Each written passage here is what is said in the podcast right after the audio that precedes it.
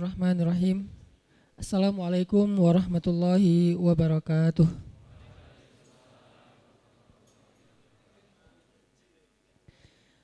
Alhamdulillahirabbil alamin nahmaduhu wa nasta'inuhu wa nastaghfiruh wa na'udzu billahi min syururi anfusina wa sayyiati a'malina.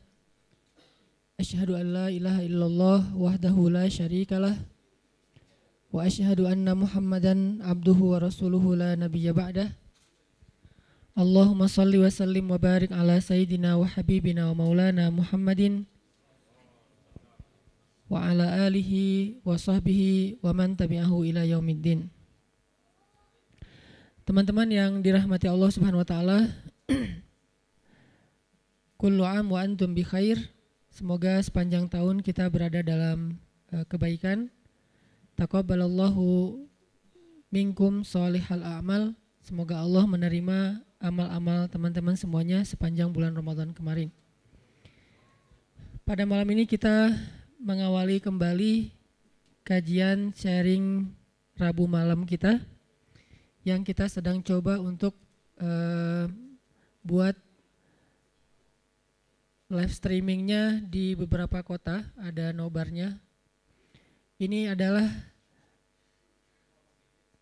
trial kita buat bikin kegiatan kelanjutan dari ngabuburit Ramadan nanti setelah lebaran ini. Cuman bentuknya insya Allah nanti akan kita bikin dalam bentuk semacam telekonferensi. Jadi kita akan bikin semacam konser pemuda seperti ngabuburit. Dan kita tambahkan beberapa program atau proyek-proyek sosial melibatkan beberapa komunitas-komunitas anak muda. Dan kita lakukan serentak di beberapa kota di Indonesia live streaming dan bentuknya interaktif seperti telekonferensi dan malam ini kita sedang mencoba mentrial membangun sistem untuk itu.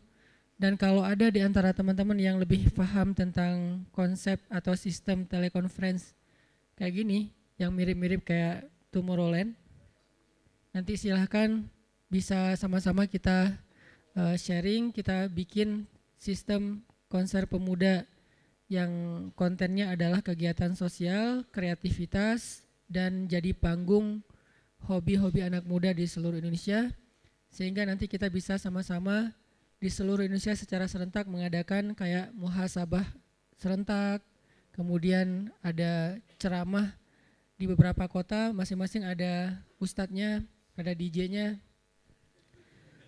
Misalnya di kota mana nanti ada Ustadz Adi Hidayat, di kota mana ada Ustadz kalau nanti bisa komunikasi dengan Ustadz Abdul Somad, Ustadz Abdul Somad, di kota yang lain ada Ustadz Felix, di kota yang lain nanti ada saya tapi serentak.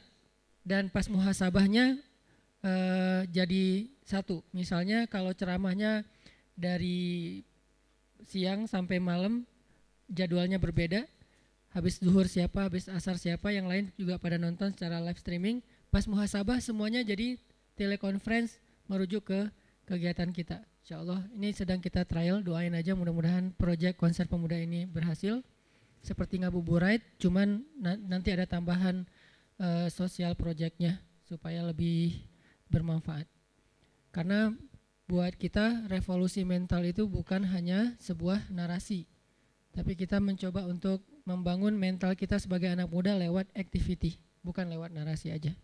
Mudah-mudahan dengan activity-activity yang berdasarkan hobi, akhirnya kita bisa menjadi orang yang khairun nas amfa'uhum linnas karena menjadi khairun nas anfa'uhum linnas itu jangan hanya kita terjemahin dari angle sedekah doang. Jadi terkesannya khairun nas anfa'uhum linnas itu harus jadi orang kaya dulu baru jadi anfa. Jadi orang yang bermanfaat. Padahal semua orang itu punya uh, potensi untuk jadi anfa'uhum linnas, menjadi orang yang paling banyak ngasih manfaat buat orang lain. Bukan hanya dengan kekayaan, harta atau materi, bisa dengan potensi uh, bakatnya, bisa dengan hobinya, bisa dengan kreativitasnya, bisa dengan apa pun. Dan kita mencoba untuk mengkoreografikan semua itu menjadi sebuah orkestra kreativitas anak muda di seluruh Indonesia menjadi seorang anak muda muslim yang kata Nabi khairun nas amfa'uhum linnas. Karena itu adalah gen kita. Gen muslim sejak kita mengatakan asyhadu alla ilaha illallah itu harusnya menjadi anfa'uhum linnas. Jadi kalau kita mengaku sebagai muslim tapi belum menjadi anfa'uhum linnas, belum banyak menebar kebaikan dan kebermanfaatan buat orang lain, kita seperti mengabaikan gen yang telah Allah tumbuhkan di dalam darah kita sebagai seorang muslim. Yaitu kuntum khaira ummatin ukhrijat linnas. Jadi kalau kata Nabi, sebaik-baik manusia adalah yang paling bermanfaat. Kalau kata Allah, kalian adalah sebaik-baik manusia. Kalau digabung antara ayat dan hadis ini berarti harusnya seorang muslim menjadi yang paling banyak ngasih manfaat buat orang lain. Baik sesama muslim bahkan kepada uh, saudara kita yang non muslim. Baru kita menjadi muslim sejati insya Allah. Dan itu kita coba bikin ala kita sebagai anak muda. Kita akan jadi anfa, menjadi orang yang paling bermanfaat bukan hanya sebagai orang kaya, tapi sebagai anak muda yang punya bakat, punya potensi, punya kreativitas, dan insya Allah saya yakin selama itu bukan dosa semuanya bermanfaat. Bahkan yang biasanya selama ini dipakai buat dosa ternyata bisa juga dipakai buat yang nggak dosa. Kayak saya mengatakan DJ e, eh, bisa bermanfaat. Orang konotasinya kan, ini kita merubah mainstream dan mindset masyarakat dari hal yang negatif menjadi positif itu kan butuh waktu. Selama ini konotasi yang namanya DJ itu hanya di tempat-tempat hiburan malam. Padahal kemarin pas kita ngabuburit di Gasibu yang ngiringin kita lagu Indonesia Raya dan Indonesia Pusaka DJ. Berarti potensi DJ juga kalau dia arahkan kepada hal yang e, bermanfaat, insya Allah jadi kebaikan. Gitu juga vokalis beberapa band, vokalis beberapa genre musik dan segala macam, termasuk anak-anak break dancer, semua selama itu bukan melanggar syariat dan bukan sesuatu yang dosa, insya Allah jadi potensi khairun nas amfa'uhum linnas. Ditambah lagi Nabi pernah bilang, An-nasu ma'adin kata Nabi. Manusia itu seperti logam. Az-zahabu wal fiddah. Ada yang emas, ada yang perak. Yang jelas an-nasu ma'adin. Manusia itu kayak logam. Arti kayak logam, semua orang itu punya potensi dalam dirinya. Gak ada satu orang pun yang Allah lahirkan hanya jadi uh, beban buat orang lain. Enggak ada. Selemah apa pun dia, Allah kasih dia potensi. Semua orang punya potensi. Anna ma'adin. Allah nggak Nabi nggak bilang al mu'min ma'adin, al muslim ma'adin, tapi annas. Mau dia muslim, mau dia non muslim, semuanya ma'adin, semuanya logam. Dalam dirinya ada az-zahabu wal ada unsur emas dan perak. Khiyaruhum fil jahiliyah, khiyaruhum fil Islam sebaik-baik mereka sebelum sadar, saya nggak suka mengistilahkan ini dengan istilah aslinya, takut salah paham. Sebaik-baik mereka sebelum sadar adalah sebaik-baik mereka setelah sadar. Sebaik-baik mereka sebelum hijrah adalah sebaik-baik mereka setelah hijrah. Sebaik-baik mereka sebelum taubat masih baong adalah sebaik-baik mereka setelah taubat dan udah menjadi orang yang lebih dekat sama Allah. Kalau apa? Kalau mereka memahaminya. Kalau mereka memahami potensi itu. Dan insya Allah ini yang akan kita sama-sama dedikasikan uh, untuk Allah, untuk Islam, untuk kemanusiaan, yang pastinya untuk uh, negara yang kita cintai adalah menjadi amfa manusia, anak muda yang paling bermanfaat, tapi lewat uh, potensi dan bakat yang Allah sudah anugerahkan kepada kita masing-masing. Panggungnya konser pemuda yang insya Allah sekali kita adakan ini insya Allah akan jadi sunnah hasanah teladan yang baik yang akan ditiru di seluruh Indonesia. Dan nanti pas tanggal 10 November nanti akan ada momen Agustusan, akan ada momen Sumpah Pemuda di Oktober, ada akan akan ada momen Hari Pahlawan 10 November, kita akan adakan kegiatan yang insya Allah jadi kejutan juga buat Indonesia dari semangat anak-anak muda di seluruh Indonesia insya Allah. Doain aja dan ayo kita bareng-bareng kalau ada potensi uh, coba sharing sharing kepada teman-teman di Pemuda Hijrah di Alatif. Siapa tahu potensi-potensi teman-teman yang selama ini kita belum tahu ternyata keren banget. Justru itu yang dibutuhkan bangsa ini. Jadi kita pengen merevolusi mental uh, masyarakat kita bukan dengan narasi, bukan dengan teori, bukan dengan komen, bukan dengan debat di sosial media, tapi dengan activity insya Allah. Dan saya nggak mampu melakukan ini sendiri, pastinya butuh tim, makin besar proyeknya, makin besar tim yang dibutuhin, yuk kita bareng-bareng. Oke teman-teman, malam ini kita akan memulai kajian Rabu malam kita uh, dengan mengulang kembali materi yang pernah kita sampaikan beberapa tahun yang lalu tentang tajdidun niyah, memperbaharui niat. kita akan uh, bahas tentang min aja ibil ikhlas di antara keajaiban-keajaiban ikhlas. Apa pentingnya niat dalam kehidupan kita? Bukan hanya dalam sholat dan ritual, tapi dalam kehidupan kita. Terus bagaimana ikhlas itu bisa merubah uh, sesuatu yang sedang kita alami, baik itu musibah ataupun itu anugerah. Kemudian bagaimana cara kita menjadi seseorang yang mukhlis sampai ke derajat tertinggi dari mukhlis itu adalah mukhlas. Jadi ada mukhlis, ada mukhlas. Orang mukhlis adalah orang yang sedang belajar menjadi ikhlas. Orang mukhlas orang yang udah ikhlas banget. Jadi orang yang mukhlas itu nggak ada bedanya antara dipuji sama dicela. Itu mukhlasin. Ketika dia posting sesuatu, likersnya banyak atau malah hatersnya banyak, buat dia nggak ngaruh itu mukhlasin.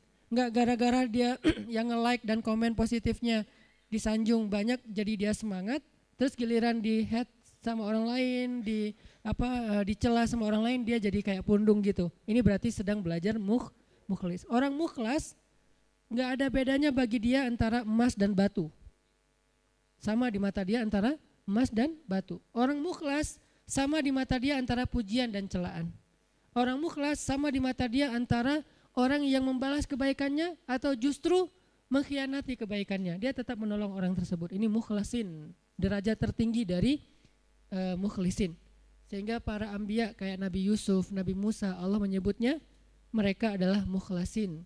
Wadkur fil kitabi Musa innahu kana mukhlasan wa kana rasulan nabiyya. Salah satunya. Coba kalian ingat kisah tentang Musa. Musa adalah seorang hamba yang mukhlasan mukhlas banget yang udah nggak ada bedanya dipuji orang, dicela orang, diikuti orang, ditinggalkan orang buat dia nggak beda. Dia tetap berbuat baik, dia tetap taat kepada Allah. Nggak ada bedanya ketika dia berhijrah, kemudian hijrahnya ini e, menguntungkan atau hijrahnya ini menjadi ujian. Dia tetap berhijrah karena dia tahu hijrah itu baik. Dia tetap jujur karena jujur itu baik. Nggak ada bedanya ketika dia jujur menguntungkan atau jujur malah jadi ujian. Saya nggak bilang merugikan ya, karena jujur nggak mungkin rugi, taat nggak mungkin rugi, taubat dan hijrah nggak mungkin rugi, cuman ujian. Buat dia, dia kalau tahu itu baik ya dia lakukan. Mau untung, mau jadi ujian. Ya buat dia pokoknya lakuin aja. Ketika dia misalnya dalam sebuah transaksi gitu, dia jual beli mobil, Kadang-kadang gara-gara terlalu ju jujur, apalagi jual beli mobil second gitu, kalau jujur resikonya kan agak susah cari untung nih. Dia bilang ini tangan pertama, karena emang belum nama belum berubah nama, tapi udah tangan ketiga padahal. Dia bilang ini belum pernah kecelakaan, mobilnya sehat banget. Kalau yang masih modelnya analog malah bisa di, apa di diulik supaya kilometernya di, dikurangin. Gak tahu kalau yang digital. Artinya dia nggak jujur demi dapat untung besar. Nanti untuk less guilty dia akan bantu anak yatim, panti asuhan, bikin tasyakur bin nikmah di rumah kayak gitu, gitu kan. Ini proyek kecil, apalagi proyek besar. Ketika dia udah main dalam sebuah event, udah main dalam sebuah proyek-proyek pemerintah yang angkanya udah mm dia susah untuk jujur. Lalu setelah dia nggak jujur dapat untung supaya sedikit less guilty-nya dia bantu pesantren, panti asuhan, bangun masjid atau tasyakuran di rumah, ngundang anak yatim. Nah, sekarang kita coba kembalikan lagi, bukan itu yang disebut orang soleh. Orang soleh itu adalah ketika dia taat kepada Allah dalam keadaan uh, sarra au darra, dalam keadaan senang atau dalam keadaan susah dan itulah mukhlasin. Alladzina yunfikuna fis sarra'i wad Orang yang tetap membantu orang lain Yunfik itu kan bukan hanya ngeluarin duit ya, tapi inti dari yunfik atau infak itu adalah ngebantu orang. Kalau kita ngeluarin duit tapi nggak membantu orang, itu namanya juga yunfik. Tapi yunfik untuk dirinya, karena infak dalam bahasa Arab itu mengeluarkan harta. Cuman identiknya mengeluarkan harta di sini artinya bantu orang lain. Dia tetap bantu orang lain, fisarro audarro. Fisarro ketika dia lapang rezekinya, audarro ketika dia juga lagi terlilit hutang. dia juga lagi susah, dia juga belum makan tapi ngasih makan orang lain. Ini ringan. Yang berat itu adalah ketika ujiannya perasaan. Dia tetap bantu orang itu walaupun orang itu mungkin melupakan kebaikan dia. Dia tetap bantu orang itu walaupun orang itu adalah pernah nge-unfollow dia. Dia bantu orang itu walaupun orang itu ngeblok dia. Yang lebih berat lagi, dia bantu orang itu walaupun orang itu pernah mutusin dia. Dan saya juga belum kalau itu. Masih mukhlisin, belum mukh mukhlasin. Mukhlasin lagi belajar ikhlas, belum benar-benar jadi orang yang ikhlas. Bisa nggak kita ngelakuin satu kebaikan tanpa bisa tanpa lagi membedakan antara efek dari kebaikan itu nguntungin atau justru menjadi ujian. Nah ini kalau udah nggak ngaruh lagi efek itu, insya Allah kita udah menjadi hamba yang mukhlason. Kalau yang mukhlason, maka setan udah nggak bisa lagi nggodain kita. Karena ketika setan um, berakad dengan Allah setelah Allah memarahinya gara-gara nggak mau sujud kepada Adam, kemudian kata setan akan saya goda hamba-hambamu selama saya masih ada di dunia, kecuali hambamu yang mukhlason. Itu nggak bisa digoda sama setan. Kenapa? Mau goda pakai apa? Udah nggak ada bedanya di dia antara nikmat dunia dengan ujian dunia. Dia cuma tahu ini taat, ini baik, ini halal, dia kerjakan. Mau itu untung, mau itu apa? Jadi ngerugiin dia dalam tanda petik, mau itu malah buat orang meninggalkan dia, dia lakukan dengan akhlak yang tetap santun. Ini yang kita belajar dari menjadi seorang hamba yang ikhlas, menjadi seorang hamba yang mukhlas sampai akhirnya kita lebih mudah melakukan kebaikan. Kayak misalnya kan ujian buat kita tuh kadang di keluarga aja. Ada anak yang bilang, Ustadz memang masih pantas saya berbakti sama ayah yang dulu pernah titik titik titik ninggalin saya, nggak nafkahin saya, zalim sama saya, pernah nyakitin fisik saya dan segala macam. Kan ada pertanyaan gitu kan kita sebagai anak. Padahal nggak usah nanya gitu juga, yang namanya orang tua pasti berjasa dalam hidup kita. Dan sepanjang hidup kita berbakti kepada mereka, itu belum bisa ngebayar satu aja pengorbanan mereka untuk kita. Sama kayak seorang istri kepada suami. Begitu juga anak kepada orang tua. Tanpa bertanya gitu, apalagi sampai nanya. Kalau sampai misalnya kita berpikir, ayah saya pernah zolim sama saya, ibu saya pernah zolim sama saya dengan berbagai macam kasus. Maka jawabannya kalau dari angle konten kita malam ini, mau jadi orang yang mukhlas atau mau jadi orang yang pamrih. Kalau mau jadi orang yang mukhlas, gak ada bedanya. Asalkan itu adalah berbakti kepada orang tua. Apa pun orang tuanya, mau orang tuanya baik atau menurut dia gak baik, yang namanya Allah suruh berbakti ya saya berbakti. Orang saya kan ngelakuinnya karena Allah berakatnya kepada Allah bukan kepada makhluk. Itu kan inti dari ikhlas, berakat dengan Allah bukan berakat dengan makhluk. Kalau berakat dengan Allah maksudnya apa? Berarti kita minta rewardnya dari Allah. Minta apresiasinya dari Allah. Minta kebaikannya dari Allah bukan dari makhluk. Yang kita harapin uh, like dari Allah. Yang kita harapin di repost oleh Allah. Karena ada sahabat-sahabat yang uh, captionnya pernah di repost sama Allah di Al-Quran. Salah satu sahabat yang captionnya di repost siapa? Umar bin Khattab. Tiga kali di repost oleh Al-Quran. Itu keren banget. Sampai ada sahabat captionnya dia di repost oleh Al-Quran. Jadi ayat itu mengulang kembali kata-kata Umar. Salah satunya di surat uh, At-Tahrim, kemudian nanti ada di surat Al-Anfal, kemudian ada juga di surat Al-Ahzab. Allah nge-repost kata-kata Umar bin Khattab. Ini menunjukkan bahwa ikhlas banget yang diharapin adalah uh, reward dari Allah, apresiasi dari Allah, anugerah dari Allah, hadiah dari Allah, kebaikan dari Allah. Ustadz kalau misalnya nggak berharap apa-apa bahkan dari Allah itu bukan ikhlas. Karena makna ikhlas itu bukan tidak berharap apa-apa. Makna, makna ikhlas itu murni. Arti murni berharap hanya kepada Allah. Karena kalau sampai kita nggak berharap surga, nggak berharap dibebaskan dari azab neraka, nggak berharap dibantu oleh Allah, itu bukan ikhlas. Itu apa Ustadz? Itu istagna. Ini ada sedikit yang harus kita perbaiki dari persepsi tentang makna ikhlas. Apa bedanya ikhlas dengan istagna? Kalau ikhlas tidak berharap kecuali kepada Allah. Kalau ke Allah dia berharap, berharap surga, Allah sendiri yang menjanjikan kan wa'adallahu alladhina amanu misalnya wa basyiril ladzina amanu wa amilus solihat annalahum jannat ayat kayak gitu kan banyak banget di Al-Qur'an ya uh, Allah menyediakan untuk mereka ampunan Allah menyediakan untuk mereka surga Allah menyediakan untuk mereka kebaikan wa may yattaqillaha yaj'al lahu makhraja wa yarzuqhu min haitsu la yahtasib yukaffir anhu sayyiati wa yu'dhim lahu ajra yaj'al lahu min amrihi yusra ayatnya banyak banget kalau Allah udah nawar-nawarin terus kita bilang, "Dah saya emang nggak butuh itu." Itu namanya istagna. Istagna arti bahasanya merasa nggak butuh. Terjemahan lebih umumnya lagi sombong. Jadi kalau kita nggak berharap apa-apa ke Allah, justru Allah tuh nggak suka. Bukan Allah salut. Hebat ya hamba ini ya, ngelakuin kebaikan nggak berharap apa-apa. Enggak. Itu Allah nggak suka. Kalau kita ke teman, kita suka karena ketika dia berharap sesuatu ke kita jadi beban. Kalau Allah itu nggak jadi beban, jangan samakan Allah dengan makhluk. Ketika kita berharap terus Allah jadi beban. Ntar dulu saya mau cuti, kenapa? Bebannya banyak banget, semua orang berdoa ke saya. Kan gak gitu Allah. Masa ketika kita berdoa Allah jadi beban? Bukankah Allah berfirman, Kullu yaumin, kulla yaumin huwa fi sya'an.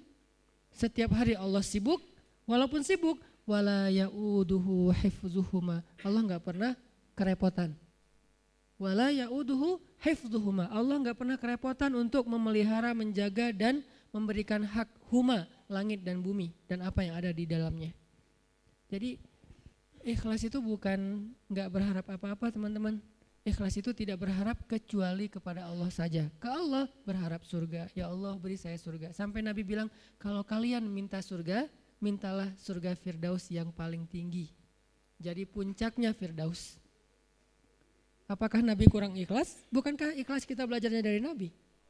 Adakah yang lebih baik ikhlasnya daripada Nabi? Tidak ada. Bahkan para ambia pun belajarnya kepada Rasulullah seandainya mereka sezaman. Bukti mereka Nabi lebih baik dari mereka apa? Semua Nabi itu nggak mention Nabi Muhammad. Semua Nabi dari mulai Nabi Adam, Nuh, apalagi Rasul ya, Nuh, Musa, Ibrahim, semua Nabi dan Rasul pernah mention tentang at Muhammad underscore Abdullah. Semua pernah mention di postingan mereka. Bahkan banyak kayak Musa sering, Nabi Ibrahim bahkan dalam doa-doa beliau nggak mention Nabi kan.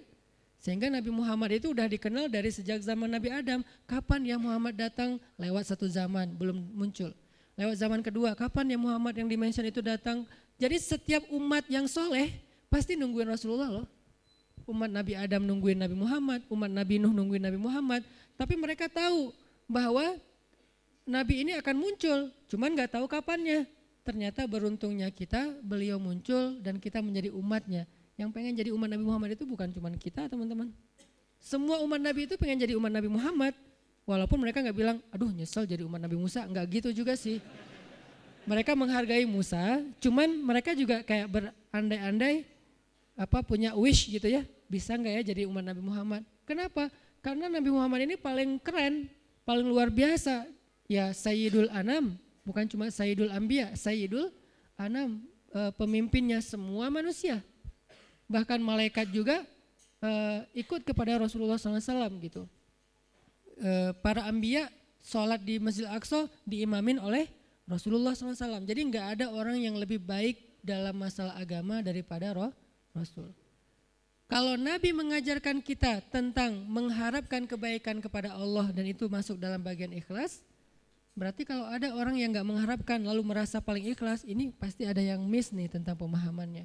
Enggak, tetap berharap, ya Allah masukkan saya ke surga. Bahkan doa kita sebelum kita salam, salah satu yang diajarkan apa? Allahumma inni a'udzubika min azabi jahannam wa min azabil qabr wa min fitnatil mahya wal mamat wa min syiddatil fit wa min syarri fitnatil masih dajjal. Atau doa yang uh, dibaca sama Bilal terus di like sama Nabi itu apa? Yang diposting sama Bilal. Allahumma inni as'aluka ridhaka wal jannah wa a'udzubika min sakhatika wana. Itu kan postingan Bilal ya. Yang first like-nya malah Rasulullah. Lalu yang lain pas ngeliat Rasulullah nge-like pada nge-like juga. Akhirnya malah di apa di save gitu postingan Bilal dan dihafal. Kemudian di repost sampai zaman kita sekarang. Isinya apa itu? Meminta dan berlindung. Berarti mengharapkan kan? Meminta berarti mengharapkan surga dan ridho Allah, berlindung berarti mengharapkan terbebas dari neraka dan uh, dan kemarahan Allah. Ini berarti ikhlas. Jadi kalau kamu kenapa puasa? Biar ujian nasionalnya lancar. Wah oh, nggak ikhlas tuh. Ikhlas kalau berharapnya ke Allah. Kenapa tahajud? Biar uh, apa nilainya bagus. Ikhlas kalau berharapnya ke Allah. Kenapa ini? Karena ini. Kenapa ini? Baik urusan dunia maupun urusan akhirat selama halal ya. Karena kalau kenapa sekarang kamu uh, rajin tahajud? Biar gua bisa uh, apa uh, dagangannya laku. Padahal dalam berdagang dia banyak curang. Ini nih agak klise nih. Klise sekali ya. Mirip-mirip dengan orang khawarij di zaman sahabat. Sampai Nabi bilang gini. Ini klisenya khawarij ya. Kalau di zaman kita menurut sebagian besar ulama dan saya sepakat dengan itu seperti ISIS. E, klisenya khawarij itu apa? Kata Nabi, kalau kalian membandingkan ibadah kalian dengan ibadah mereka, maka kalian akan meremehkan ibadah kalian. Saking ibadah orang khawarij itu luar biasa. Itu soleh banget dari sisi ibadah ya. Taat banget, rajin ibadah banget. Sampai di zaman sahabat ada orang khawarij lagi selesai perang mereka istirahat di bawah sebuah pohon korma. Duduk di atas kepala para sahabat. Jadi ada sahabat yang dipenggal kepalanya, mereka duduk di atas kepala sahabat yang habis dipenggal, istirahat, tiba-tiba jatuh buah kurma. Pas buah kurma jatuh, temannya ngambil, kata temannya yang lagi duduk di atas kepala sahabat bilang, eh jangan makan, itu kan bukan hak kita karena kita belum minta izin kepada pemilik. Giliran satu butir korma, mereka mikirin halal haram, tapi di bawah mereka lagi didudukin kepalanya para sahabat yang dijamin masuk surga. Klise kan? Ini yang sering terjadi. Kadang-kadang kita dari sisi, satu sisi ahli ibadah, malam tahajud, siang puasa, tapi komen di sosial media masih istilahnya gibah, buka aib, apa-apa segala macam. Ini berarti kita kayak agak apa? Agak sedikit aneh gitu kesolehannya. Nah, termasuk orang yang pengen jadi orang baik tapi nggak mengharapkan apa-apa. Sampai ada syair dan saya agak kurang setuju dengan syair ini mengatakan ya Allah kalau saya berbuat baik karena pengen surga, tutuplah pintu surga itu dari saya. Gitu kan ya? Kalau saya beribadah karena takut neraka, masukkanlah saya ke dalam neraka. Saya melakukan itu hanya karena cinta. Terkesan hub uh, al-khauf dan ar-roja itu tiga hal yang bertentangan. Padahal tiga hal ini tiga-tiganya bagian dari iman. Hope, cinta bagian dari iman. Kita harus mencintai Allah lebih dari segalanya. Khauf, takut kepada Allah, bagian dari iman. Sampai Nabi mengatakan, Rasul hikmah makhafatullah. Puncaknya orang yang berilmu itu takut sama Allah. Jadi orang yang paling banyak, takut pada Allah, yang paling banyak berilmu. Innama yakshallaha min ibadihi al-ulama. Orang yang paling takut kepada Allah di antara hambanya adalah orang yang berilmu. Begitu juga dengan ar-roja.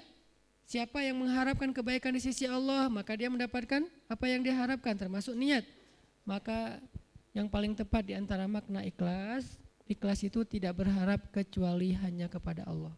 Kalau berharap kepada Allah itu semuanya ikhlas. Kalau nggak berharap apa-apa dari Allah namanya istagna. Dan ayat tentang istagna kalla innal insana la yatgha arro'ahu stagna. Manusia itu akan banyak berbuat dosa ketika dia merasa dirinya serba cukup, nggak butuh lagi kepada Allah SWT. Insya Allah nanti kita lanjutkan setelah sholat isya teman-teman sekalian, kita lanjutkan tentang pembahasan uh, min aja ibil uh, min aja ibil is, uh, ikhlas di antara keajaiban-keajaiban ikhlas dan tadi kita membahas tentang arti ikhlas itu apa. Ternyata ikhlas itu bukan nggak berharap apa-apa kepada Allah. Seolah-olah kita nggak merasa butuh kepada Allah. Padahal justru berharap kepada Allah, bergantung kepada Allah, meminta kepada Allah itu bagian dari ibadah. Jadi kalau kita pengen dapat banyak pahala ibadah, doa aja yang sering. Karena berdoa itu adalah ibadah. Dan nabi yang paling banyak berdoa itu salah satunya Nabi Ibrahim. Dan kita baca di dalam Al-Quran gimana doa-doa Ibrahim yang sangat luar biasa. Sehingga Ibrahim dikenal dengan istilah awahun. Hamba yang awah, arti awah itu da'a, arti da'a banyak berdoa. Jadi kalau uh, Ibrahim aja Allah sayang banget kepada beliau karena suka berdoa, berarti doa itu adalah ibadah dan Allah nggak akan repot sama sekali kalau kita minta. Request kita sebanyak apa pun ke Allah nggak repot sama sekali. Bahkan kadang-kadang kita meminta sesuatu yang menurut logika kita udah nggak mungkin, buat Allah juga bukan sesuatu yang berat. Gak akan Allah terganggu, kamu kalau minta ngira-ngira dong gitu. Masa minta sesuatu yang udah gak mungkin lagi dikabulkan? Enggak, karena ala kulli syai'in qadir, gak ada batasan. Allah maha kuasa atas segala sesuatu. Justru dengan meminta kita lagi belajar iman loh teman-teman. Meminta itu belajar iman, kayak kita lagi mau jalan. Naik kendaraan atau naik pesawat. Begitu dia mau take off, Bismillahirrahmanirrahim. Ya Allah, mudah-mudahan selamat kalau bahasa kita ya. Itu kan belajar bergantung ke Allah. Justru orang yang nggak meminta ke Allah, nggak bergantung ke Allah, itu istagna, sombong. Memangnya kita yakin take off ini akan e, berhasil, akan sukses. Apalagi landing, itu lebih berat lagi tuh. Selalu deg-degan saya kalau udah landing. Apalagi kalau yang misalnya pesawatnya agak kecil, terus cuacanya nggak bagus, landingnya sampai nggak terlalu mulus gitu, itu kan resikonya tinggi sehingga pas lagi landing doanya mungkin tiga kali lipat pas dari take off, take off gitu. Kalau take off doanya subhanallah sakharana haza, kalau landing sampai yasinan, ayat kursi, ar-Rahman. Kenapa? Karena bergantung kepada Allah. Loh kok pas lagi kayak gitu berdoa ya ke siapa lagi coba? Kita berlindung, ke siapa lagi kita bergantung, ke siapa lagi kita berharap. Itu bagian dari iman. Jadi makin sering berdoa, kita makin sering belajar gantung. Kayak manja gitu ke Allah dan emang harusnya kayak gitu. Manja banget sama Allah. Ya Allah nih gimana ya? Ya Allah saya ada ini ya Allah ada itu. Terus saja setiap hari itu laporan ke Allah dia dikit-dikit nge-mention Allah dikit-dikit angkat tangan. Allah sayang banget sama hamba yang kayak gitu. Justru kalau hamba ngerasa ah ini mah masih bisa dikerjain sendiri ntar aja kalau udah susah baru minta sama Allah Allah nggak suka yang kayak gitu itu bukan mandiri itu istighna sombong Masa hal yang sepele aja minta ke Allah. Nabi bilang, mintalah kepada Allah walaupun garam. Garam aja mau masak minta ke Allah. Walaupun sederhana mungkin bahasanya. Ustadz garam itu bukan minta ke Allah, beli ke warung, ke Alfamart, bukan minta ke Allah. Mungkin beli bisa juga dapat garam dengan seizin Allah pastinya. Tapi kita jadi nggak belajar iman, kita nggak jadi nggak dapat pahala. Apa susahnya sih tinggal bilang ya Allah ini kurang garam, Bismillah, jalan aja nyari garam. Dapat garam, ada dua orang, yang satu beli garam di warung tanpa bismillah, yang kedua beli garam di warung dengan bismillah. Dua-duanya dapat garam, tapi yang kedua dapat plus pahala, iman, makin disayang sama Allah. Siapa tahu lewat uh, masakan yang dia masak dengan bismillah itu rasa cinta Allah tanamkan dalam hati suaminya. Kalau belum punya suami, siapa tahu itu calon mertuanya. Kan kata Nabi, di balik nama Allah selalu ada kebaikan kan? Jadi kalau kita bilang bismillah nggak ada ruginya. Tinggal kita bilang, ya Allah kurang garam bismillah, cari aja garam di warung. Yang kedua, dianggap ah itu mah nggak perlu bismillah juga dapat yang namanya garam gampang carinya. Ya, dua-duanya dapat garam. Dua-duanya masukin garam ke dalam masakan itu. Tapi yang satu berkah, yang satu tidak berkah. Segala sesuatu yang dilibatkan nama Allah di dalamnya, kata Nabi, Allah munculkan kebaikan atau keberkahan. Segala sesuatu yang tidak ada nama Allah, Allah cabut keberkahannya. Jadi bukan hanya masalah makanan yang kita makan teman-teman, tapi apa kebaikan setelah itu yang kita dapetin. Sehingga kalau misalnya kita ngerasa mampu pun secara logika sederhana, mudah, tetap pakai nama Allah. Tetap minta sama Allah. Karena yang kita minta bukan yang mudah itu doang, tapi apa yang setelah itu kita jalan naik motor cuman deket doang ke ke rumah teman atau ke mana gitu yang mungkin bahkan kadang-kadang nggak perlu takut uh, ada razia atau apa karena terlalu dekat gitu atau di kampung nggak pakai helm juga walaupun ini bukan saya nggak nganjurin ya kan banyak tuh realitasnya kayak gitu ya lupa bismillah giliran yang jalannya biasa pakai razia bismillahirrahmanirrahim bismillahirrahmanirrahim polisi misalnya sampai Sampai doanya macam-macam gitu kan ya. Kenapa? Karena dianggap itu e, beresiko. Giliran yang ringan-ringan enggak. Jangan lihat itunya doang, lihat apa setelahnya. Jangan-jangan pas kita nggak baca bismillah, emang nggak ada kejadian apa-apa. Tapi kita lupa, mungkin harusnya kita dapat kebaikan loh.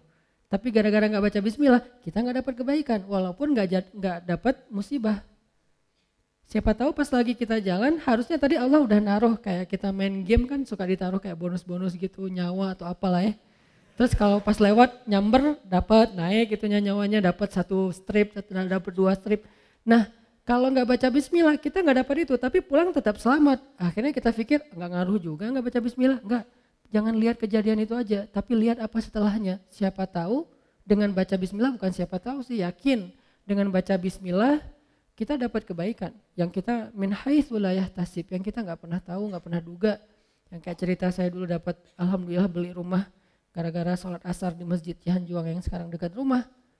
Kenapa bisa kayak gitu? Mana saya tahu ada yang akan jual rumah di masjid lagi sholat asar. Kalau bukan karena Allah mem, Allah yang ngatur banget kan segala sesuatu teh jadi minta sama Allah.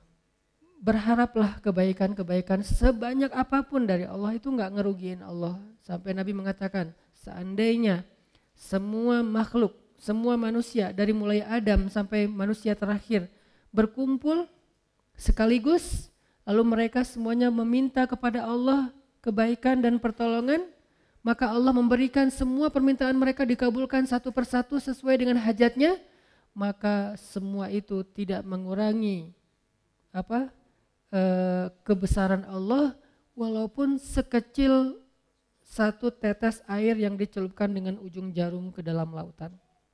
Sama sekali nggak berkurang. Apa repotnya buat Allah? Ini berhal udah ngumpul semua. Bukan sealatif loh. Dari Nabi Adam sampai manusia terakhir.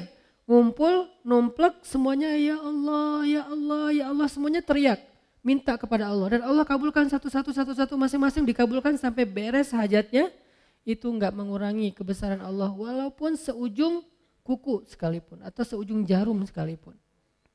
Jadi keliru kalau kita memahami seolah-olah Allah jadi repot gara-gara kita minta terus. Enggak enak ah minta sama Allah terus, mending kita beribadah aja jangan banyak minta, malu. Enggak, justru Allah kalau kita minta Allah malu enggak ngasih. Kan kata Nabi, Allah itu malu kalau hambanya mengangkat kedua tangannya dan meminta yang baik untuk tidak mengabulkan Allah itu malu, pasti dikabulkan sama Allah. Bahkan yang mustahil, bahkan yang mustahil menurut kita. Mustahil menurut kita, iya. Minta aja sama Allah, enggak namanya minta sama Allah apa susahnya sih? Tinggal bikin aja standar. Ya Allah, standar saya tingginya sekian, kulitnya warnanya ini, wajahnya nggak perlu pakai foundation, memang udah kinclong, bibirnya jarak dari satu kilo kelihatan merahnya saking orangnya tuh kayak natural banget cantiknya kayak Aisyah. Ya Allah saya pengen gitu banget. Agak-agak mustahil mungkin menurut kita ya, tahu diri lah ya. ya kayaknya mustahil sih Allah, tapi kan buat Allah gak ada yang mustahil. Buat saya itu mustahil, gak mungkin. Tapi buat Allah siapa tahu bisa. Dan pasti bisa, yakin 100% bisa. Kok bisa Ustaz? Emang Ustaz dapat? Dapat dong.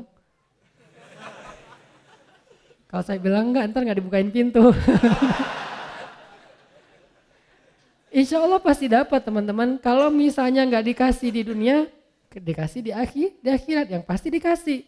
Ustadz, kenapa nggak dikasih di dunia? Daripada kita kaget, terus daripada kita lagi uh, akhirnya jadi fitnah, kita nggak sanggup menanggung punya pasangan secantik bidadari, banyak banget yang ngelirik dia, tiba-tiba followersnya naik kan kita sendiri nggak repot kan? Nah, akhirnya dikasih yang kita sanggup menanggung kecantikan itu. Sehingga kita nggak terabaikan dari hal yang lain, nggak bikin kita sombong. Coba kalau terlalu keren malah bikin kita sombong. Kalau yang terlalu biasa bikin kita bingung. Ya udah yang tengah-tengah aja. Sesuai dengan kebutuhan kita. Nanti di akhirat baru dikasih sesuai dengan kita. Ya Allah kok sekarang saya dapatnya keren gini ya Allah. Kan kamu dulu mintanya gini. Siapa dia? Pasangan halal kita di dunia yang Allah make upin lagi nanti di akhirat make up dunia aja bisa berubah orang yang kan banyak tuh di Instagram yang viral gitu kan. Dua foto kan ya. Ini yang asli, ini hasil make up. Atau tiga, asli make up editan. Yang ketiga paling keren kan. Nah, kebayang nggak editan di dunia aja pakai apps itu bisa sekeren itu. Gimana editan akhirat? Allah yang edit. Jadi juru riasnya tuh langsung Allah yang ciptakan pas pas dibangkitkan dari kubur bulu mata udah lentik. Eh kamu siapa? Kan aku. Kok udah berubah, bulu mata udah lentik, alis udah bertaut, nggak lurus gini kayak balok ya, bertaut gitu. Udah keren pokoknya. Minta aja lah, apa susahnya sih minta sama Allah, tinggal ya Allah saya gini gini gini. Bukan hanya dalam masalah jodoh, dalam masalah rezeki. Minta aja yang banyak. Kenapa takut meminta yang baik-baik dari Allah? Ya Allah jadikan saya orang kaya, tapi orang kaya yang dermawan. Jangan kaya kayak korun, tapi kaya kayak misalnya Nabi Ayub. Kayanya ya, bukan sakitnya. Diperjelas takutnya nanti dikasih. Kamu pengen kayak Nabi Ayub tuh sakit aja 17 tahun. Ya Allah bagian itu saya lupa bilang. Kalau doa juga kadang-kadang harus hati-hati gitu. Ya Allah saya pengen kaya seperti Ayub yang dermawan. Ibrahim tuh gimana kayanya Ibrahim? Kita kan jarang tahu kalau Ibrahim itu orang kaya kan? Kaya banget loh. Ukuran kekayaan Ibrahim apa teman-teman setiap malam Ibrahim itu menyembelih 100 ekor onta untuk para tamu yang berziarah ke Masjidil Aqsa. 100 ekor onta. Satu onta itu 40 juta harga paling murahnya. Kali 100 berapa? 4 miliar ya. Setiap malam 4 miliar. Setiap malam. Bukan setahun sekali. Setiap malam ngeluarin duit 4 miliar untuk ngejamu para penziarah yang datang ke kota suci Al-Quds. Itu baru makanan dan beliau menyediakan tempat penginapan bintang 5 gratis untuk semua para turis yang datang ke Masjid Al-Aqsa. Jadi Masjid Al-Aqsa yang sekarang Al-Quds yang diklaim Israel sekarang itu dulu tuh Ibrahim sendiri yang ngelolanya tuh. Ibrahim itu bukan orang miskin, orang kaya, tapi diuji ninggalin istri dan anaknya di tengah padang eh, padang batu dengan bekal yang seadanya. Kalau beliau nggak punya apa-apa, wajar dong Eh, Hajar menganggap oh Ibrahim nggak punya apa-apa ninggalin kita di sini. Tapi Ibrahim tuh orang kaya raya. Kok bisa ninggalin istrinya kayak gitu nggak dikasih bekal yang cukup? Ujian buat Hajar dari Allah swt. Sehingga akhirnya Hajar belajar iman kayak gitu gitulah. Jadi minta aja. Kalau misalnya Allah nggak ngasih di dunia kekayaan sebanyak yang kita minta, dikasih kekayaan di akhirat. Dan kekayaan di akhirat juga kita butuh. Bahkan di akhirat kita lebih butuh lagi jadi orang kaya daripada dunia. Kenapa? Karena di akhirat kita menjadi orang yang perjalanan sendirinya itu cukup lama. Gak dibantu siapa-siapa itu cukup lama. Baru setelah periode ini lewat, baru nanti akan ada periode kita ketemu lagi dengan uh, pasangan kita, ketemu lagi dengan keluarga kita, yang pasti nggak akan ketemu lagi dengan mantan kita. Itu ada adegan kayak gitu nanti di akhirat. Masa di surga ketemu mantan kan baper ya. Kenapa sih kamu udah masuk surga masih sedih? Itu. Kok mereka berduaan gitu-gitu amat sih selfie-selfian aja dari tadi. Nah kamu pasangannya di mana? Ketinggalan di padang mahsyar. Kok bisa kebanyakan gosip? Jadi hisapnya lah lama gitu. Ini definisi dari ikhlas. Ikhlas itu berharap kepada Allah yang baik-baik dunia dan akhirat. Yang kedua, Nabi SAW bersabda hadis yang paling populer, bahkan hadis ini bisa dibilang al-fatihahnya hadis. Al-Fatihahnya kedudukan hadis ini di dalam hadis-hadis Nabi seperti kedudukan Al-Fatihah di dalam Al-Quran. Innamal a'malu bin niyat wa innama likul limri'in manawa dan seterusnya. Hadis Bukhari Muslim dari Umar.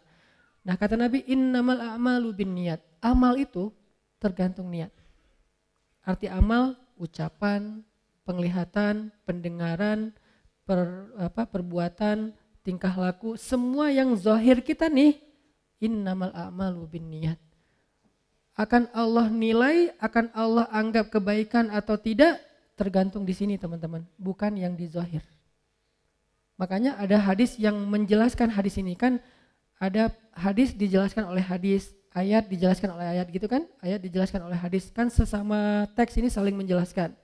Hadis eh, Nabi bilang, Innallaha la yanzuru ila aswarikum wala ila amwalikum wala ila a'malikum walakin yang turu ila kulubikum. Allah ngelihatnya bukan ke penampilan kalian dulu. Allah nggak ngelihat perbuatan kalian dulu. Allah nggak ngelihat uh, harta kalian dulu. Allah ngelihat hati kalian dulu. Yang ngelihat hati di sini artinya apa? Hatinya baik atau enggak? Bukan. Ikhlas apa enggak? Itu maksud dari Allah ngelihat hati dulu. Sehingga kalau misalnya kita mau dihargai oleh Allah, didap, diberikan balasan kebaikan oleh Allah, ini dulu yang harus kita islah. Disebut dengan istilah tajdidun niat. Perbaharui ini Niat. Kenapa perbaharui niat? Karena niat ikhlas itu dijaga teman-teman, nggak nggak cuma di awal. Ada orang di awal ikhlas, tapi di tengah ria. Lawan dari ikhlas itu by the way ria. Ada di awal ikhlas, di tengah uh, ikhlas, di akhir ria. Ada di awal ikhlas, di tengah ikhlas, di akhir ikhlas, setelah beberapa tahun ria. Begitu sekali dia ria, hangus habis semua kebaikan dari apa yang kita udah lakuin. Contoh, kan kita tuh bukan tipe orang yang insya Allah levelnya di awal udah ria ya. Insya Allah tuh bukan kita. Nggak mungkin kita mau tilawah, eh, eh dengerin gua tilawah ria ya. Oh, enggak kan? Kita bukan tipe gitu. Insya Allah kita di satu level di atasnya. Orang yang insya Allah di awalnya ikhlas. Nggak mungkin juga kita misalnya uh, mau ngelakuin satu kebaikan semuanya terus kita niatkan. Kalau orang yang niatnya dibaca usolli uh, apa sunnata tahiyatul masjid rakaatain lillahi taala. Kan gitu kan ya. Ini riak sengaja sholli sunnata misalnya uh, uh, duha rakaatain riaan linnas Allahu akbar. Kan nggak ada. Apa riaan linnas atau riaan linnas? Ini ya Allah saya sengaja nih sholat dua rakaat. Maaf ya Allah kali ini agak-agak kurang ikhlas. Ria aja deh sekali-kali kan nggak apa-apa. Allahu akbar. Nggak ada. Kita tuh bukan level itu kita level orang yang insya Allah dari awal pasti ikhlas. Karena kita tahu bahayanya ria. Tapi kegoda di tengah. Saya dulu awal-awal pulang dari Kairo, karena dianggap ustadz suruh ngimamin. Ngimamin. Oh ya, ikhlas kan? Kata Nabi, hiasilah Al-Quran dengan suara kalian. Oh ya udah, saya hiasi semampu saya dengan suara saya. Alhamdulillahi Rabbil Alamin. Di tengah gitu kan ya. Begitu ada yang nangis di belakang, bagus juga ya suara saya. Mulai. Di awal ikhlas, di tengah ria. Dan apakah saya berniat mau ria? Enggak. Ria itu bukan kita niatin. Yuwas wisufi sudurin. Nah setan yang membisikkan dalam hati kita. Dan itu bukan disengaja. Sehingga kita tajdid. Begitu setan, bagus juga suara lu. Astagfirullahaladzim, bagus. Enggak sih, ngomong dalam hati yang jujur karena alimun bidatis sudur. Allah tuh tahu banget lah isi hati kalian. Kalian gak usah bohong deh sama gua, sama Allah tuh gak bisa bohong. Wa asirru kaulakum awijharu bih innahu alimun bidatis sudur. Kalian merahasiakan, kalian tampakkan, tahu banget lah Allah apa yang kita rasain. Jadi rugi banget kita bohong sama Allah dalam hati itu kayak konyol banget tuh. Allah tahu isi hati kita sejelas kita berteriak. Misalnya kita teriak, bagus juga ya suara saya kan jelas tuh. Tapi dalam hati, bagus juga ya suara saya. Jelas buat Allah tuh nggak ada bedanya. Bukan apa-apa, nggak, nggak kayak gitu. Jelas banget, sejelas kita bersuara lantang, sejelas itulah suara di dalam hati kita di sisi Allah nggak ada yang beda. Jadi nggak usah bohong deh sama Allah. Allah kan gitu kan, membohongi Allah padahal wa ma yakhda'una illa anfusahum. Cuma ngebohongi diri sendiri. Nih, ria di tengah. Ria di akhir, di tengah enggak. Soalnya nggak ada yang nangis, biasa aja gitu. Tilawah, begitu selesai sholat datang, Ustadz baru pertama saya bisa nangis dalam sholat. Di Masjidil Haram aja saya nggak bisa nangis, di belakang Ustadz saya nangis. Oh iya Pak, Alhamdulillah istiqomah ya Pak. Dalam hati, Bapak baru tahu. Mulai yuas wis, Bapak nggak pernah lihat YouTube saya. Mulai yuas, itu kan terjadi kan. Saya pernah ngerasain itu teman-teman, makanya tajdid, perbaharui lagi, perbaharui lagi. Kayak pas sholat di mall itu yang paling agak greget gitu, gregetan. Sholat di mall kan di basement gitu, musola, sholat maghrib. Karena saya pakai kaos, pakai celana biasa, gak disuruh jadi imam dong. Yang disuruh jadi imam bapak-bapak yang pakai bajunya rapi, imamin aja. Saya, oh ya udah kita lihat aja nanti. Dah jadi imam. Begitu si bapak baca Quran, tuh kan kata saya juga apa? Udah deh, udah nggak usah lama-lama kelas aja. Gitu besok-besoknya kepancing nih. Jadi kayak nggak percaya gitu kan sama orang, lihat muka-mukanya kayaknya nih orang-orang polos nih. Pas lagi mau dorong-dorong, saya kayak kedorong gitu. Eh siapa sih yang dorong saya gitu. Pura-pura kedorong gitu. Eh, ini bukan saya loh yang mau ya, nggak tahu siapa sih yang dorong saya gitu. Udah, Sof, benerin Sof. Dalam hati, Sof udah udah dengerin ya. Nih gini nih tilawahan yang benar nih. Allah. Ria, Mau saya baca satu juz, sepuluh juz, tiga puluh juz, satu huruf pun gak ada nilainya di mata Allah. Innamal a'malu biniat. Dan gak bisa saya bohong sama Allah. Bohong ke manusia mungkin bisa. Saya kayak bacanya kayak khusyuk banget. Orang-orang sampai kagum gitu, respect. Masya Allah ya suaranya, bacaannya luar biasa. Pasti dari hati nih, karena kerasa di hati. Kata dia. Tapi kan Allah tahu. Ya tapi Allah maha menutupi aib. Allah nggak mau buka. Eh enak aja lo ngomong enggak. Allah baru buka aib nanti di akhirat. Di dunia nggak akan Allah buka. Allah menjaga aib kita. Supaya apa? Supaya kita perbaiki diri. Ya Allah dia ngomongnya gitu, padahal enggak, astagfirullahaladzim, jadi dunia, perbaharui lagi niatnya, perbaharui. Ini pengennya karena Allah, karena Allah. Datang setan-setan tuh nggak akan lepas kita, dia pegang erat-erat tuh. Setan nggak mau ngelepas kita sampai kapan? Sampai mukhlasin, nggak ada bedanya lagi tadi pujian atau celaan, baru dia akan nyerah. Tapi kan kelas kita masih mukhlisin ya, itu juga kalau mampu. Nah kadang-kadang bukan di akhir, nanti setelah beberapa tahun Nah kayak misalnya kita tahajud. Udah 10 tahun nih tahajud. Tiba-tiba ada teman kita mancing. Eh gimana ya biar bisa tahajud? Susah banget saya udah masang 10 alarm gak kebangun. Udah tidur di lantai biar cepat bangun malah lebih nyenyak tidurnya. Gimana sih cara biar tahajud? Saya udah olahraga siang harinya biar malamnya tidur awal jadi cepat bangun. Tetap aja olahraga-olahraga tidur ya tidur gak bangun-bangun. Gimana ya caranya? Kita kepancing. Awalnya niatnya ikhlas juga, pengen sharing, pengen ngasih semangat Sebetulnya sih tahajud itu gampang kalau udah jadi habit, c gitu. Gimana maksudnya? Lah kalau udah jadi habit mau dia capek, pulangnya telat, yang namanya jam 2 pasti udah kebangun. Biar jadi habit berapa lama? Ya standarnya sih 10 tahun. Kalau kalau kamu gimana? Ya alhamdulillah 10 tahun. Habis semuanya. Satu malam pun gak ada nilainya coba. Sayang banget kan? Ria itu menghanguskan semua amal kita yang kita riakan seperti api menghanguskan kayu sampai jadi debu. Enggak bernilai lagi, enggak, ada, enggak bisa dipakai apa-apa. Tapi ria ini sepele banget, halus banget, enggak berasa. Dia muncul tanpa kita niatkan, enggak ada niat kita pengen ria pastinya, enggak mau. Eh, lu tanya dong ke gue tentang tahajud biar gue bisa ria. Enggak, enggak mungkin kan? Enggak ada kayak gitu, dia kepancing oleh orang lain. Lebih parah lagi kadang-kadang Kepancingnya justru karena celaan. Kita dipancing oleh orang-orang yang nggak menghargai kita. Lu nggak tahu ya, kayak misalnya seorang istri, suaminya misalnya kayak ngerasa paling paling apa banyak berjasa sendiri, paling banyak berbuat, paling penting di rumah itu. Akhirnya istrinya tahu nggak sih uh, kerjaan saya di rumah ngapain aja? Disebutin satu persatu pengorbanannya, kebaikannya, gara-gara kepancing oleh suami habis semuanya. Makanya jangan men, apa jangan kepedean dulu bahwa kalau kita udah bertaubat, berhijrah, udah rajin ke masjid, kita lebih mulia dari orang lain yang belum melakukan itu belum tentu. Kebaikan kita yang banyak apakah menjamin kita lebih mulia? Belum tentu. Sampai akhir hayat baru dihitung. Karena hisap itu bukan di dunia, di akhirat. Kenapa kita udah menghisap di dunia? Arti menghisap udah langsung bikin apa nilai bahwa saya lebih baik dari kamu, bahwa saya lebih mulia dari kamu. Ngapain kita katakan katakan itu? Padahal kita belum wafat. Kok masih belum bisa disimpulkan Ustaz? Bukankah nanti di akhir hayat bisa aja semuanya jadi hangus gara-gara ria? Seorang kakek ngumpulin keluarganya pas lagi sakit keras. Anaknya, cucunya, menantunya. Nah, cucu-cucu semuanya jangan tinggalin sholat ya. Ya kek, Alhamdulillah kakek udah 40 tahun gak pernah tinggal sholat, habis sholatnya kamu kalau udah mampu segera haji. Karena kalau udah tua susah haji, kakek dulu haji itu udah susah. Untungnya kakek orangnya semangatnya tinggi. Jadi walaupun susah dilakonin juga. Alhamdulillah udah 15 kali haji, habis hajinya.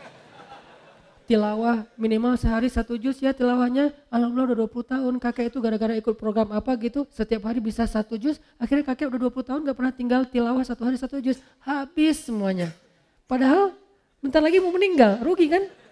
Ah, Begitu bangkit, ya Allah amal saya mana? Habis. Kapan habisnya? Detik-detik terakhir.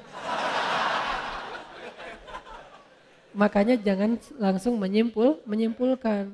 La tuzaku anfusakum kata Allah. Janganlah kalian menganggap diri kalian suci atau lebih mulia daripada orang lain.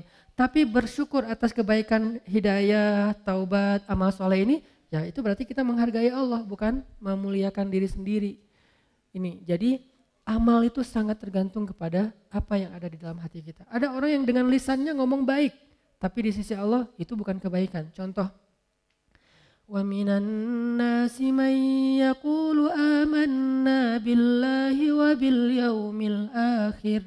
Ada manusia, Allah nggak mau nyebut orang beriman karena tidak beriman.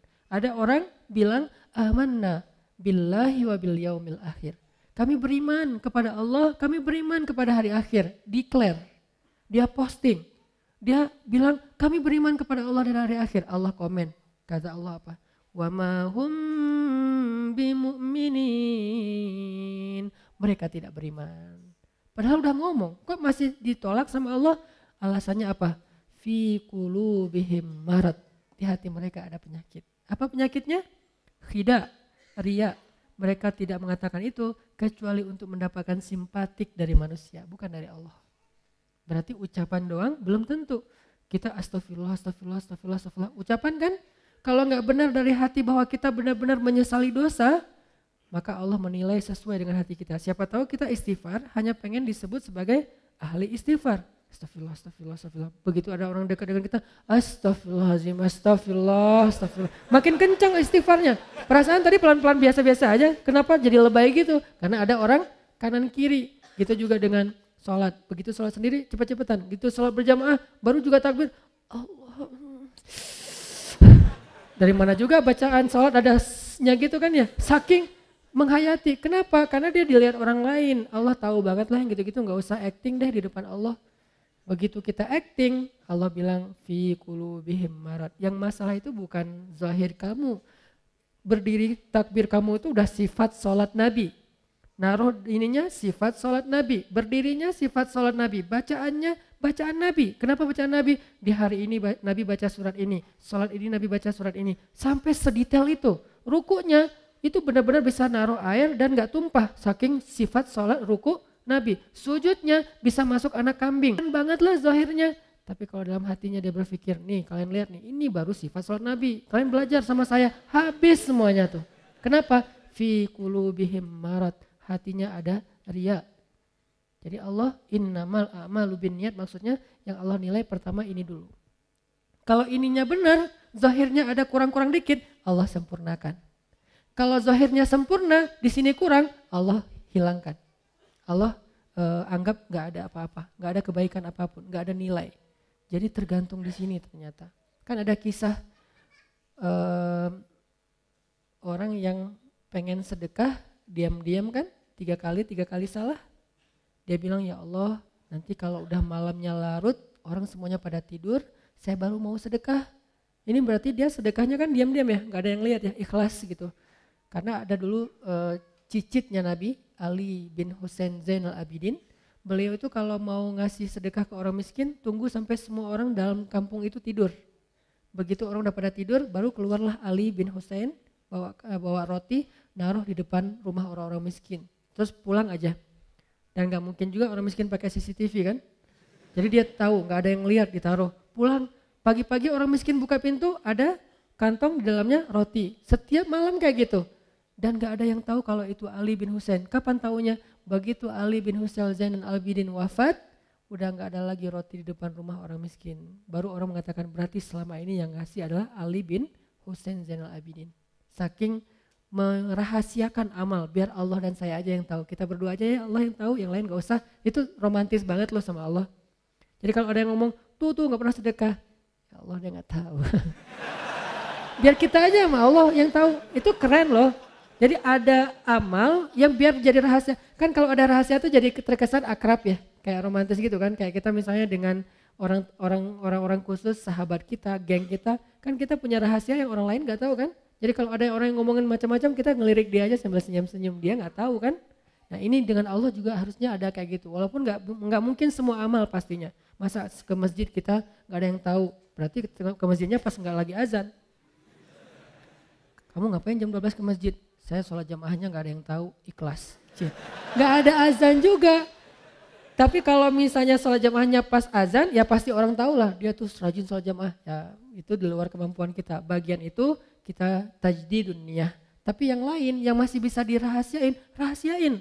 Karena ada ulama dulu tuh e, merahasiakan ibadah malamnya sampai 40 tahun gak ada yang tahu kalau dia tuh tahajud. Jadi orang bilang dia tuh gak pernah tahajud. Padahal dia tahajud. Kok orang gak ada yang tahu caranya kalau orang masih melek dia biasa-biasa aja. Begitu dia pas orang lagi melek dia tidur. Begitu orang tidur dia bangun. Dia lagi sholat pas orang balik badan karena orang tidur juga gerak ya. Pas orang balik badan dia langsung khawatir gitu, ya Allah ketahuan, ketahuan. Ternyata dia cuma balik badan, lanjutin. Waktunya orang bangun, dia tidur lagi. Selama 40 tahun. Kenapa? Kata dia, saya tidak mau melakukan sesuatu yang diketahui manusia, kemudian setan menggoda saya untuk menjadi orang yang ria. Sehingga dirahasiakan, ketahuan gara-gara ada yang iseng ngintip. Akhirnya ketahuan juga, ya Allah saya pernah udah pengen ikhlas, jadi bukan saya yang mau loh ya, ini saya tetap ikhlas kan. ikhlas tapi ria, jadi ria terhadap ikhlas. Ini unik, ada orang yang ria terhadap ikhlas. Lo kenapa nggak pernah melakukan tahajud? Gua orangnya nggak mau sebut-sebut kalau tahajud. Udah biasa ngelakuin tengah malam jam sekian juga nggak pernah dikasih tahu ke siapa-siapa ikhlas dong. Ini ria terhadap ik, ikhlas. Kenapa sih lo tilawah Al-Quran pelan-pelan? Soalnya suara gua terlalu bagus kalau terlalu kencang. Daripada gua nanti jadi apa? Jadi ria, gua bacanya pelan-pelan aja. Alhamdulillahirabbil alamin. Terus ada yang pamer gitu, ada yang show off gitu di sebelah. Alhamdulillah. Ah, suara gitu aja pamer ria terhadap keikhlasannya. Jadi nggak ada nggak rela kalau orang lain ria karena dia ngerasa ikhlas. Jadi pengennya lo nggak usah ria depan gue deh, gue ikhlas. Kalau gue mau pamer bisa, cuma kan gue nggak mau, gue, pengennya ikhlas. Ini namanya ikhlas apa ria terhadap ik, ikhlas. Ini aneh banget. Sama dengan orang yang perlu istighfar terhadap istighfar. Ya istighfar, al istighfar yahtajul istighfar. Istighfarnya membutuhkan istighfar. Kenapa? Istighfarnya itu ria banget. Astagfirullah, ya Allah, zalam tu nafsi zulman kathira. Oh nggak ada lagi orang, amin. Udah pergi aja. Padahal juga ada orang istighfarnya luar biasa. Ini nih, istighfar, yahtajul istighfar. Istighfar yang membutuhkan istighfar. Jadi ada laki-laki, dia sedekah, ya Allah malam ini saya pengen sedekah ke orang pertama yang saya temuin di luar rumah. Malam-malam, kayak kita mungkin jam 12 malam dia keluar, ketemu seorang laki-laki, ngasih aja, pergi karena dia nggak mau ketahuan, nggak mau apa e, ngobrol biar nggak ketahuan, pergi aja. Besok pagi orang-orang pada ngomong jadi trending topik. Kata orang-orang semalam ada pencuri dapat sedekah, dia langsung ngerasa gitu, bukan kegeeran karena dia doang yang sedekah kan. Astagfirullahaladzim, berarti sedekah saya salah semalam buat pencuri. Ya Allah, saya ulangi deh ntar malam saya perbaiki. Maaf, maaf ya Allah. Malam kedua dia keluar lagi, diam-diam gak ada orang, jalan nyari siapa yang bisa dibantu lewat seorang cewek, kasih, neng, langsung pergi. Besok pagi orang-orang ngomong, semalam seorang pezina dapat sedekah. Astagfirullahaladzim, salah lagi, dua kali. Dan ini ceritanya bukan fiksi, hadis dalam bentuk kisah. Malam ketiga, dia keluar lagi, ketemu orang, kasih, pergi. Besok orang mengatakan, semalam ada orang paling kaya di kampung ini, dapat sedekah. Astagfirullah, tiga kali, tiga kali salah. Malam keempat, dia tidur, Allah utus malaikat menjelma dalam mimpinya. Ini namanya mimpi yang baik, ilham dari Allah. Malaikat itu bilang, Fulan sedekah kamu tiga kali, mungkin kamu pikir salah, tapi Allah terima karena dia ikhlas. Yang pertama, sedekah kamu kepada pencuri, membuat dia tidak jadi mencuri karena sudah mendapatkan apa yang dia butuhkan. Sedekah kamu kepada pezina, membuat dia tidak jadi menjual tubuhnya karena dia sudah mendapatkan apa yang dia butuhkan. Dan yang ketiga, sedekah kamu ke orang kaya telah menyadarkan dia dari sifat kikir sehingga sekarang dia menjadi orang kaya yang dermawan. Lihat, amal zahirnya nggak sempurna, tapi batinnya sempurna. Akhirnya Allah perbaiki. Ada orang amal zahirnya sempurna, batinnya rusak, Allah rusak. Siapa? Hadis tentang tiga orang yang pertama masuk neraka. Dihisap sama malaikat, ya Allah ini keren banget nih amalnya. Apa? Dia adalah seorang penghafal Quran 30 juz dengan riwayat mutawatir 10 10 kiraat. Keren banget nih ya Allah. Mau masuk surga mana? Kata Allah, tempatnya di neraka kata Allah. Malaikat aja sampai heran karena malaikat kan nggak tahu isi hati ya. Mereka cuma mencatat yang zahir doang. Allah yang tahu isi hati. Malaikat nanya, "Ya Allah, salah dia apa? Kan dia ahli Al-Quran, rajin membaca, rajin menghafal, pembawa Al-Quran ke mana-mana. Kata Allah, karena dia tidak menghafal Al-Quran untuk aku, dia menghafal Al-Quran untuk dikenal sebagai kori, hafiz. Sempurnakan amalnya, tapi rusak isi hatinya, sehingga rusak semua pahalanya. Yang kedua, orang yang dermawan. Ya Allah ini rajin banget sedekah, setiap hari sedekah. Kata Allah tempatnya di neraka. Kata malaikat kenapa ya Allah? Dia tidak bersedekah untuk aku, dia bersedekah untuk disebut jawat, orang yang dermawan. Habis lagi, padahal sedekahnya udah sempurna. Yang paling parah tuh yang ketiga, di lehernya masih ada bekas luka karena terbunuh dalam peperangan. Malaikat kagum gitu, respect. Wah ini keren banget ya Allah. Ini orang yang syahid, orang yang mujahid, orang yang berjihad. Kata Allah tempatnya di neraka malaikat. Kata malaikat kenapa ya Allah? Dia tidak berjihad untuk aku, dia berjihad untuk disebut syuja, sang pemberani, seorang pahlawan. Lihat, zahirnya sempurna, batinnya rusak, maka rusak. Zahirnya kurang-kurang dikit, batinnya sempurna, maka sempurna. Innamal a'malu bin niat. Ini maksud dari kalimat ini. Insya Allah pekan depan kita lanjutkan kalimat wa innama likul limri'in mana wa apa artinya. Jadi per kalimat kita bahas, kita bedah dan mulai uh, apa uh, tahun ini setelah lebaran ini kita akan membahas mungkin akan sedikit nambah grade-nya ya. Pakai lebih banyak hadis, lebih banyak ayat supaya kita mulai uh, punya bahan apa basic-basic yang kuat tentang Islam kita. Insya Allah tetap dalam bentuk booster motivasi. Jadi in namal a'malu bin niat, amal kita itu bukan yang zahir dulu yang Allah nilai, tapi isi hati dulu yang Allah nilai. Perbaiki niat, tajidi dunia. Jaga amal kita dengan menjaga niat. Kita mungkin mudah menjaganya di awal. Bagaimana dengan di tengah ketika sedang melakukannya? Bagaimana dengan di akhir apresiasi atau celaan orang setelahnya? Bagaimana setelah beberapa tahun setelah kita merasa bahwa ini keren banget kita istiqomah, itu akan sangat berpengaruh Mungkin amal kita banyak, tapi belum tentu semuanya sampai kepada Allah. Dari sekian banyak amal yang kita lakukan, cuma sedikit mungkin yang sampai kepada Allah. Yang sedikit itu hanya yang gampang-gampang, yang ringan-ringan. Kenapa? Cuman itu yang kita nggak bisa ria. Mau riain apa bacanya al-ikhlas. Tapi giliran bacanya surat-surat yang susah, ria kan? Nah justru kadang-kadang yang sampai itu yang ringan-ringan, yang sepele-sepele, yang kita nggak bisa riak ke siapa-siapa, orang juga lebih baik dari kita. Mungkin cuma itu yang sampai ke hadapan Allah. Sedangkan yang susah kita lakuin malah nggak sampai. Kenapa? Mungkin di awal, di tengah, di akhir ikhlas, tapi after years akhirnya kita riak.